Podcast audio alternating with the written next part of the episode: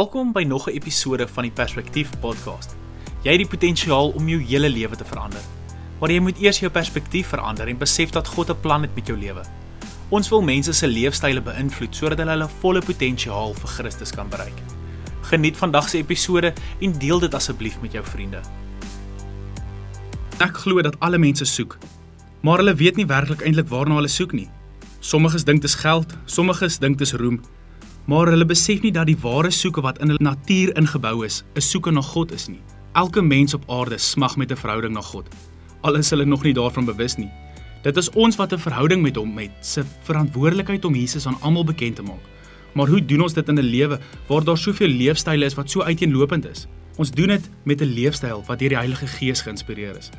Elke dag het jy die geleentheid om 'n voorbeeld te wees oor hoe dit lyk as Jesus in jou lewe is. Het jy al ooit so daarna gedink? Sal mense sê jy het 'n verhouding met God as hulle met jou te doen kry in die verkeer, in die winkel of by die werk? Raak hulle nuuskierig oor wat anders is in jou lewe? Is dit nie wat ons doel is nie? Om die goeie nuus met alle mense te deel en dit oor en oor te vertel. Maar ook baie belangrik om dit uit te leef. Wanneer jy 'n ontmoeting met God gehad het, gaan dit jou lewe outomaties verander. 'n Tipe verandering wat moet uitsprei en ander lewens ook verander. Ek dink aan 'n klip wat in 'n dam gegooi word en die golwe wat uitkring verder en verder en verder. Ons lewens moet soos daai klip wees wat golwe van verandering laat uitkring vanaf ons eie huis tot buite die grense van Suid-Afrika. Dit is baie gevaarlik, maar so gewild en ek het dit self gesê toe ek jonger was. Dit is my lewe en ek sal besluit hoe om te leef. Die implikasies van daardie sin is ongelooflik. Ons vergeet maklik wat ons doel is op aarde en wat Jesus vir ons kom doen het. Hy het aarde toe gekom, geleef en gesterf sodat ons vryheid kan hê. Vryheid van sonde en die bande daarvan. Christus het gesterf sodat ons nie hoef nie. En jy wat 'n verhouding met hom het en klaar vrygemaak is van sonde. Jy moet so leef dat ander mense ook bevryding van hulle sonde wil hê.